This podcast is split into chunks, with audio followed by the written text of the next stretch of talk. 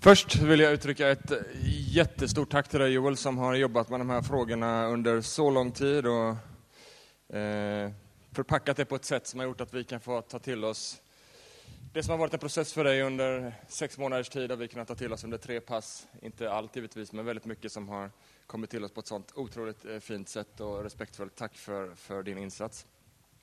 Eh, innan vi går in i, eh, i i stund, där vi får utrymme, att, får utrymme att ställa dina frågor och funderingar, så vill jag bara kort ge lite information. Och eh, den första informationen är väl egentligen då vår nästa bibelbrunch. Eh, så för som jag sa så har vi det här på regelbunden basis. Nästa bibelbrunch är, blir lite annorlunda för det kanske inte är ett eh, är liksom Bibeln i centrum på ett sätt, men Bibeln ligger till grund för den här dagen. Det blir en dag om relationer. Och vi är otroligt glada att få ha Alf B Svensson hos oss. Eh, han är uppbokad på 6-12 månaders eh, liksom förväg, så otroligt, trots att han är pensionär så är han efterfrågad i hela landet att, att komma och tala. Han är legitimerad psykolog eh, och författare och föreläsare, krönikör på GP, Fixa kärleken och otroligt erfaren, 70 plus. Humoristisk, hjärtat på rätt ställe och vet att han kommer göra det så bra. Så det blir två olika pass med en lunchbreak emellan. Så man kan antingen vara med på båda passen eller på ett av passen därför att de har lite olika karaktär. Allt handlar om relationer, men det första är, kan man tro på varaktiga relationer? Hur kan man hålla kärleken vid liv? Kan man tro på livslång kärlek? Och hur kan man få det att fungera? eh, som jag tänker eh, är intressant för alla som, som, eh, som vill eller lever i en relation. Eh, andra passet är mer för, för föräldrar kanske, men eh, även för dig som kanske tänker att någon gång blir förälder så kan det också vara givande då. Eh, våga vara förälder, hur kan man utöva föräldraskap i vår tid? Och någonstans med liksom en kristen linje igenom de här tankarna. Så det tror vi kommer bli jättebra. Det är 9 februari. Så eh, mer information om det kommer på sociala medier och så vidare. Sen är det så att vi som kyrka eh, vill bjuda in dig till samtalskvällar. Eh, och eh, vi vill vara goda lyssnare, precis som Joel redan har uttryckt. Vi vill vara goda lyssnare, vi vill vara medvandrare på din livsresa, på din väg. Och är det så att du har samkönad attraktion och längtat efter att i en trygg miljö få prata om de här frågorna, få dela dina tankar och erfarenheter, brottningar kring livet, men kanske inte minst kring Bibeln och, och liksom den kristna tron. Då vill vi bjuda in till samtalskvällar, eh, där, vi, där liksom det, vi bara får samtala och dela livet tillsammans. Och eh, det leds av pastorer eh, med tystnadsplikt. Och, eh, så det är liksom kvällar, en trygg atmosfär. Så är det så att du är intresserad av detta och, så kan du skicka ett mejl till mig på jakob.centro.nu Eh, det är ingen annan som ser det än jag, eh, så får du mer information om och när och hur vi har de här samtalskvällarna. Så hjärtligt välkommen till, till det. Imorgon så har vi i Centro gudstjänst klockan 14 och våra gudstjänster, vi håller till i Landala kapell egentligen, uppe vid kapellplatsen jämte Chalmers. Och eh, Joel kommer fortsätta på det här temat och, och fortsätta prata kring, de här kring det här ämnet som vi varit idag, men lite mer i predikoform. Så är du sugen på att höra mer så är du välkommen imorgon till Landala kapell klockan 14. Yes. Då så är det helt enkelt så öppet för dig att ställa frågor. Eh, eh, helt bara, det är bara rakt upp och ner ställa frågor kring det som har hörts eller någon tanke som det här har väckt. Och jag förstår liksom, om du har suttit och sugit på någonting, har ni inga frågor så är det helt okej. Okay, det kan vi ta i annan form och sådär. Men om det finns frågor kring detta så shoot. Då var frågan att, vi har pratat om, vi har berört eh, monogami, polygami, och men eh, även i Bibeln så målas det upp, säkert i Gamla Testamentet, olika typer av konstellationer med jättemånga fina ord om eh, men hur, alltså väldigt många olika konstellationer i antal som ingår i de här relationen? Yes. Det är ungefär frågan. Yes, jättebra fråga. Eh, precis, det finns ju liksom eh, David och Solomon, alla dessa personer som har, eh, eh har flera fruar. Jag skulle säga att eh, Gamla testamentet är konsekvent kritisk mot det där.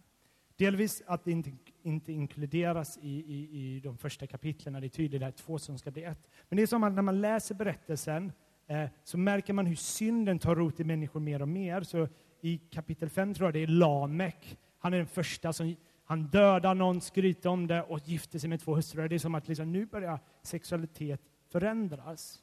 Eh, och jag tror till och med att det finns en lag, eh, jag tror det är tredje Mosebok 18, vers 18, tror jag, där det står att du får inte gifta dig med din hustrus syster. Den hebreiska formuleringen är inte den vanliga formuleringen av om man bara menar bokstavligen syster. Varenda gång det sker i Gamla testamentet så är det aldrig bokstavligen en syster, eh, utan det är en annan israelit, alltså en annan... Eh, man får inte ha fler hustrur, det är ett sätt att uttrycka det. Ehm, och eh, det, är värt också att nämna att om jag, jag för mig att det nämns ungefär 30 personer som explicit har ehm, polymorösa eller polygama relationer utav typ 2000 som nämns. Så en väldigt liten grupp och det är bara maktmänniskor som jag tror att berättelserna är kritiska mot. Jag tror till och med kan, man kan göra till och med ett case att Jakob och David slutade att ha polygama och polymorösa relationer när Gud konfronterar dem båda.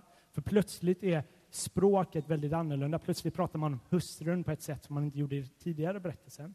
Eh, så därför tror jag att både lagen har det, både konsekvent en kritik, och sen tror jag vi även läst vissa, det finns någon sån här lag som har typ eh, dina två hustrur, som verkar innefatta, som jag tror logiken är att en är död och en lever. Eh, och det blir, styrks ännu mer när man jämför med hur man formulerar sig i kulturerna runt omkring som pratar om första hustrun och andra hustrun. De kategorierna finns inte. Så därför skulle jag säga både gamla och nya testamentet är konsekvent kritisk. Här har vi en fråga kring bibeltexter om att korsfästa sina begär. Eh, och eh, det innebär att man kan be kring det och såna saker. Men vad kan det betyda mer att korsfästa sina begär?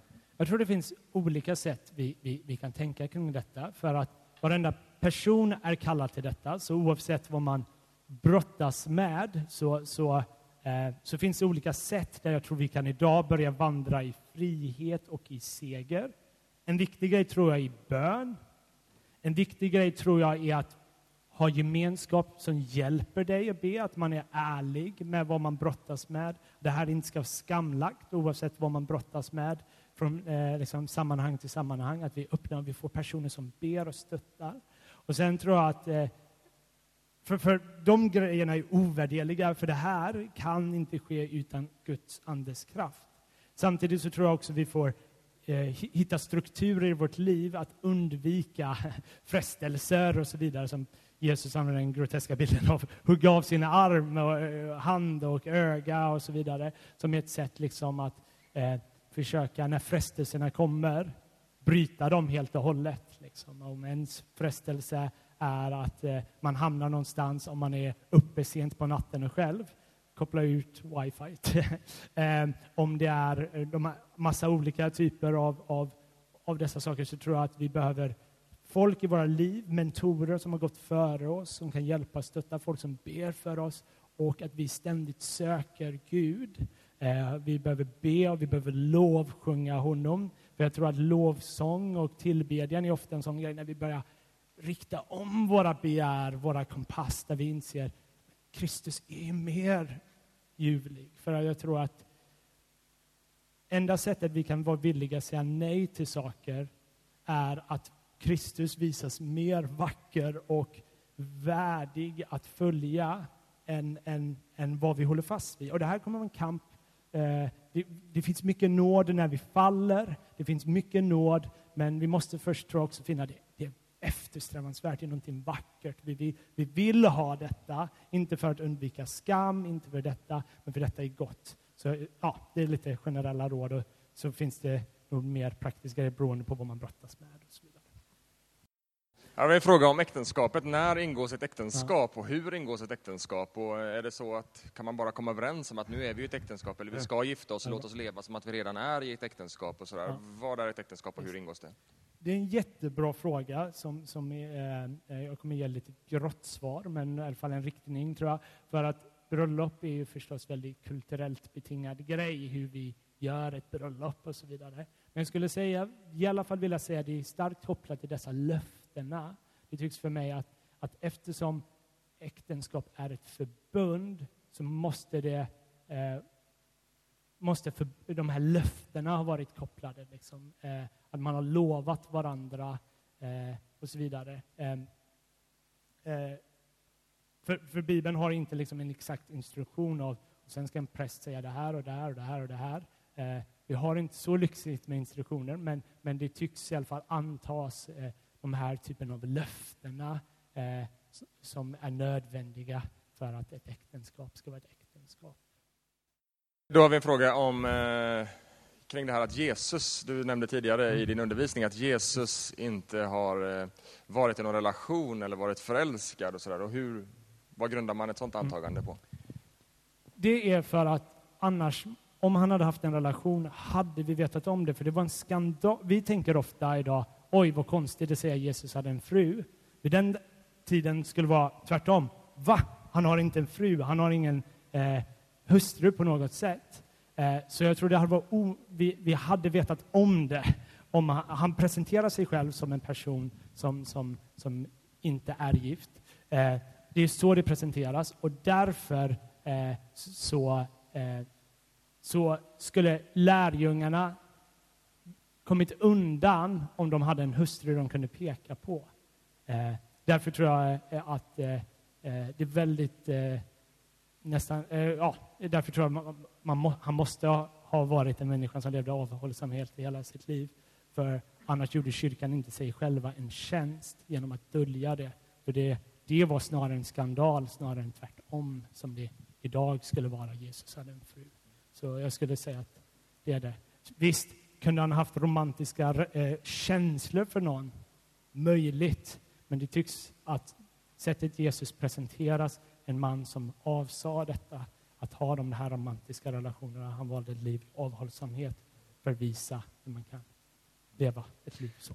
En kort kommentar till det också. Och, ja, förlåt.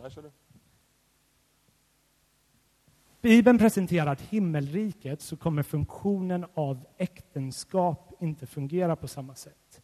Ehm, Jesus verkar beskriva att eh, äktenskap eh, har fullbord, dess uppgift har blivit fullbordad i himmelen. Så jag tror att äktenskap idag är, är ett sätt att eka skapelsetanken eh, medan avhållsamhet i celibat, som Jesus förkroppsligar, ekar framtiden. För då kommer, då kommer allt som är kopplat till sexuellt begär, som är vackert och ljuvligt, få sin fullbordan till någonting vackrare där Gud förenar oss. Så sätt tror jag att Jesus sätt att vara är ett sätt att eka om ett annat sätt att vara i framtiden. Eh, vad skulle du säga? Jo, jag skulle säga det att det är också vad lägger man i att vara förälskad? Bibeln är tydlig med att Jesus var en människa som var frestad i allt så som vi, men helt utan synd. Så självklart hade han frestelser kring, men, men hans uppdrag på jorden var, innefattade uppenbarligen inte att, att vara gift och leva i en relation. Men självklart så var han då troligtvis frestad åt det hållet. Eh, men det var, han hade mm. valt avhållsamhet. Eh, så det, det kanske man, vad lägger man i att han var förälskad, men det var inget han agerade på. Mm. Ja, då har vi en fråga här eh, hur, där, som handlar om att sexualitet inom äktenskap, men också hur hanterar man sexualitet när man inte lever i en relation. Men då är frågan egentligen, eh, hur ska man hantera sexualitet när man mm. är i en relation men ännu inte är gift? Ja. Så det är frågan. Kan du säga någonting om det? Absolut, jättebra fråga. Eh, jag tror det Bibeln kallar oss till är då eh, eh att att sex och samlag är kopplat till äktenskapet när dessa löften har skett, där det är dessa trygga eh, ramar och det är, där, det är syftet med sex och sexualitet. Så innan dess så tror jag att Jesus kallar oss till avhållsamhet som, som självklart är en smärt, kan vara smärtsamt och, och utmanande. Eh, funderar på om det är något mer i den frågan du egentligen ställer. Eh, är, det, är frågan hur långt kan man gå? Nej, Nej. Nej då, då svarar jag inte på den. Det hade varit intressant annars.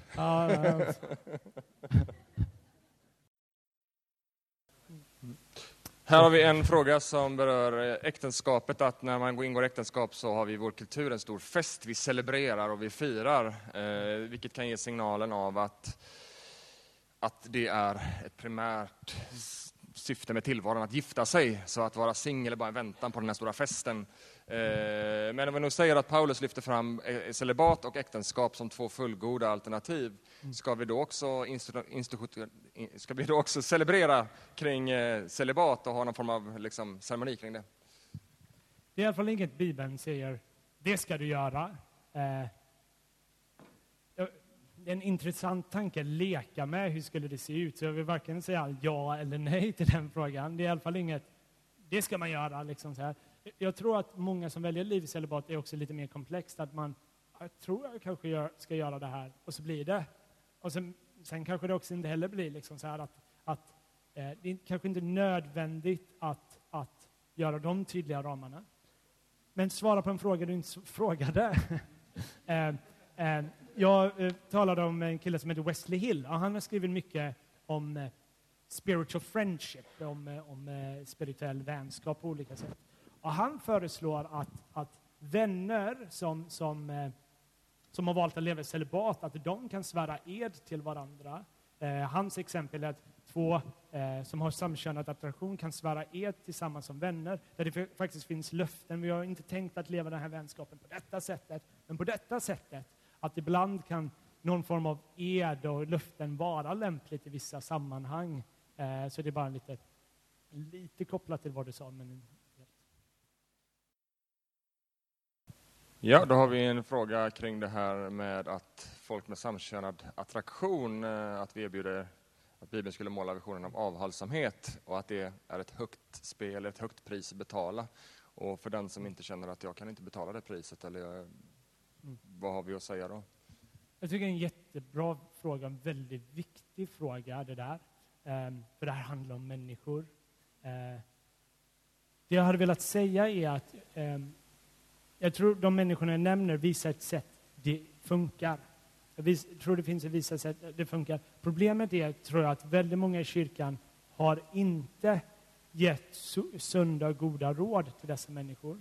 Där de kopplar sina attraktion och sina känsloliv med sitt värde och därför känner sig inte älskade, därför känner sig eh, eh, exkluderade från Guds kärlek. Jag tror att Eh, kyrkans kall är att ta den människans brottning på allvar, villig att hålla handen med den människan, villig att bära varenda börda som den människan har.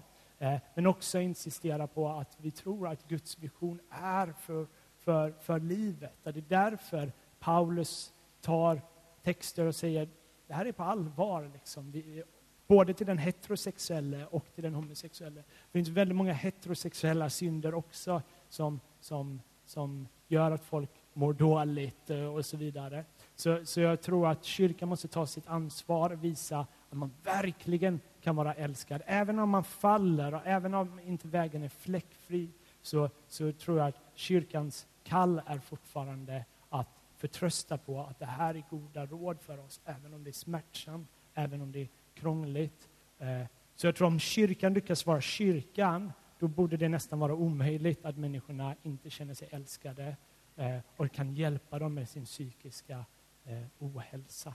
Eh, så jag tror det finns återupprättelse eh, för det där i Jesus och vad han kallar oss till. Eh, så jag tror inte vi, vi nödvändigtvis hjälper genom att ge en annan väg. Mm. Här har vi en kommentar som egentligen är en utmaning till kyrkan, då, eh, inte så mycket en fråga.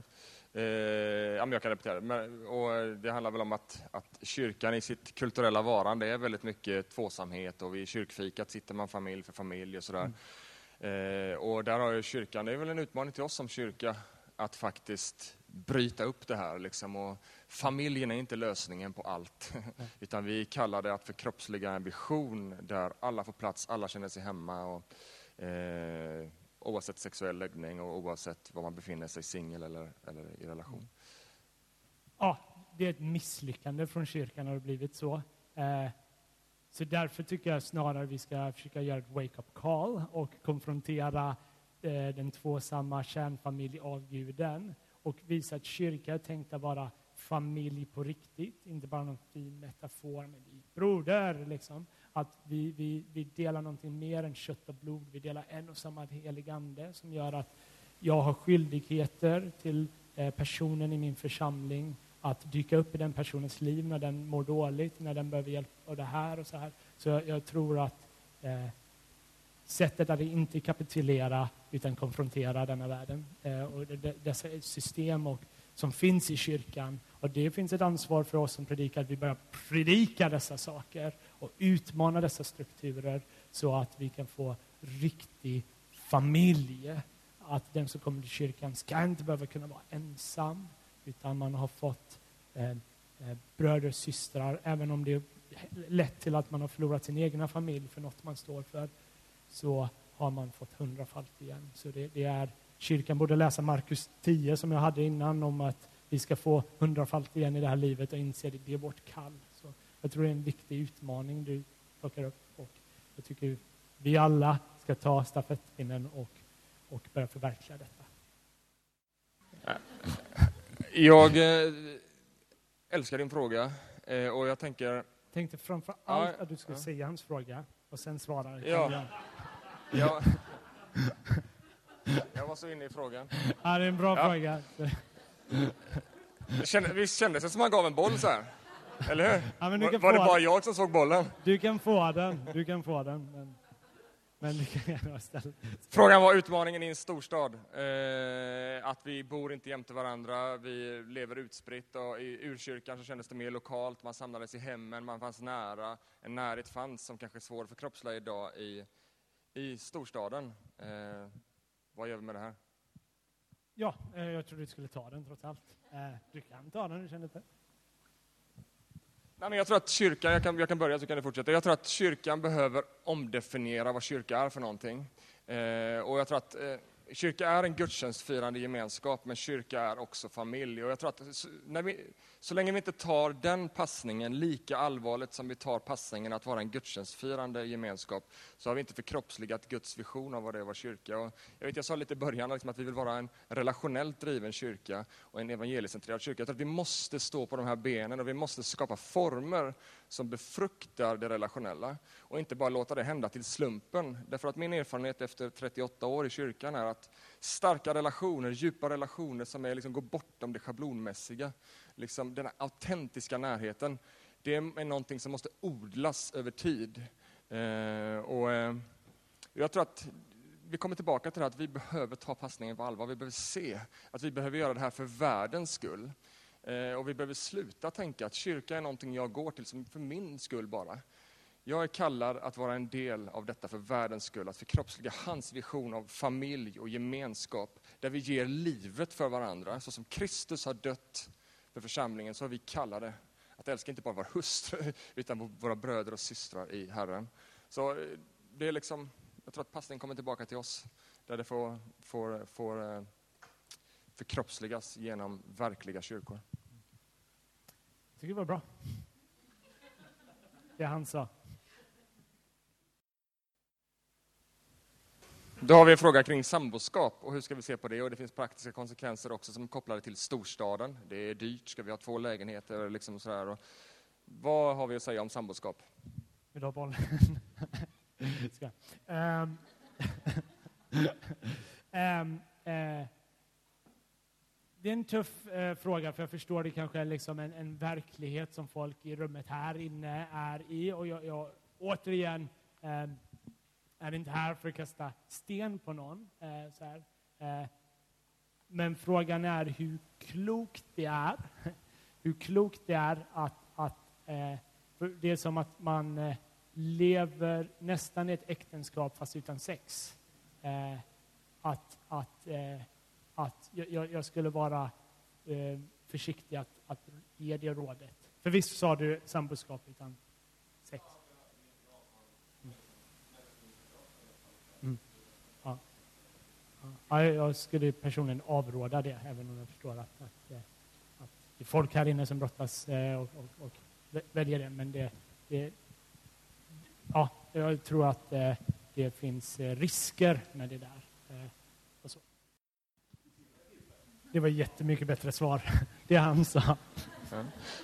Jättebra. Jag kan snabbt bara snabbt citera en man här med erfarenhet från många olika kulturer och liksom hur i vår kultur det är inte så normalt med fysisk närhet, eller vanligt med fysisk närhet mellan man och man och kvinna och kvinna.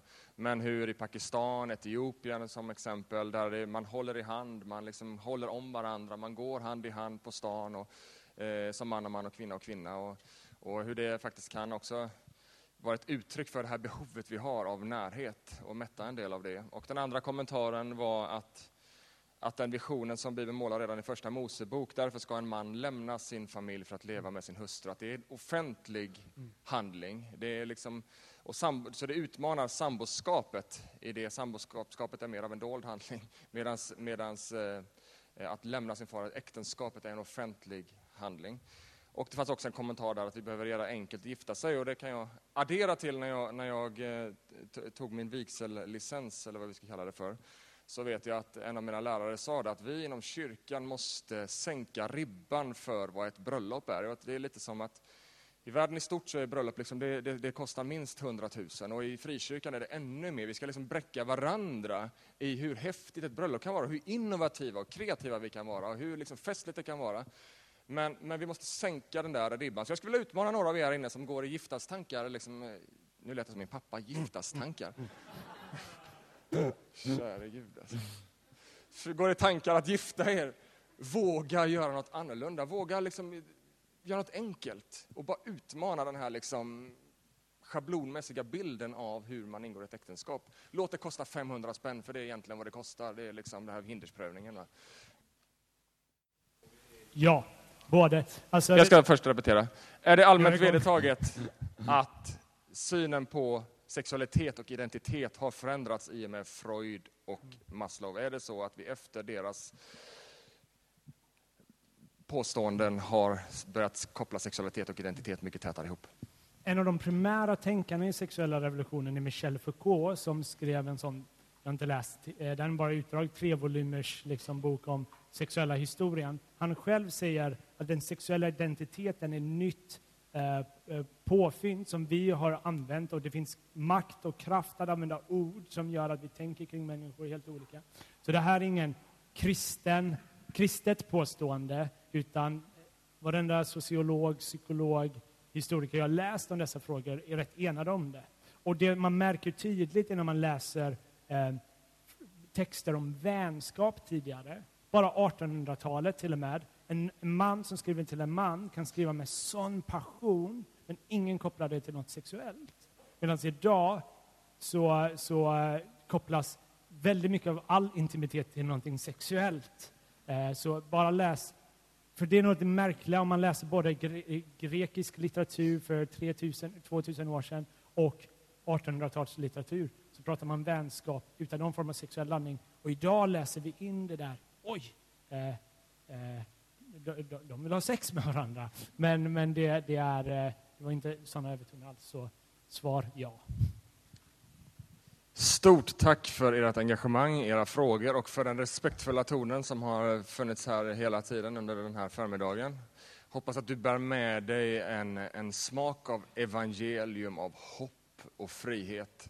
Eh, och att det är en vacker vision som, som Gud målar för oss. Den må vara utmanande för oss alla, men det är för mänsklighetens blomstrande och vårt goda. Stort tack att du kom hit. Glöm inte vår nästa bibelbrunch i februari, en dag om relationer. Hjärtligt välkommen till Landala kapell imorgon klockan 14 för gudstjänst och fortsättning på, på det här temat. Gud välsigne er och jag ber att Guds frid ska få vila över er. För han har vänt sitt ansikte mot er och han är er nådig i Gud Faderns, Sonens och den helige Andes namn. Amen.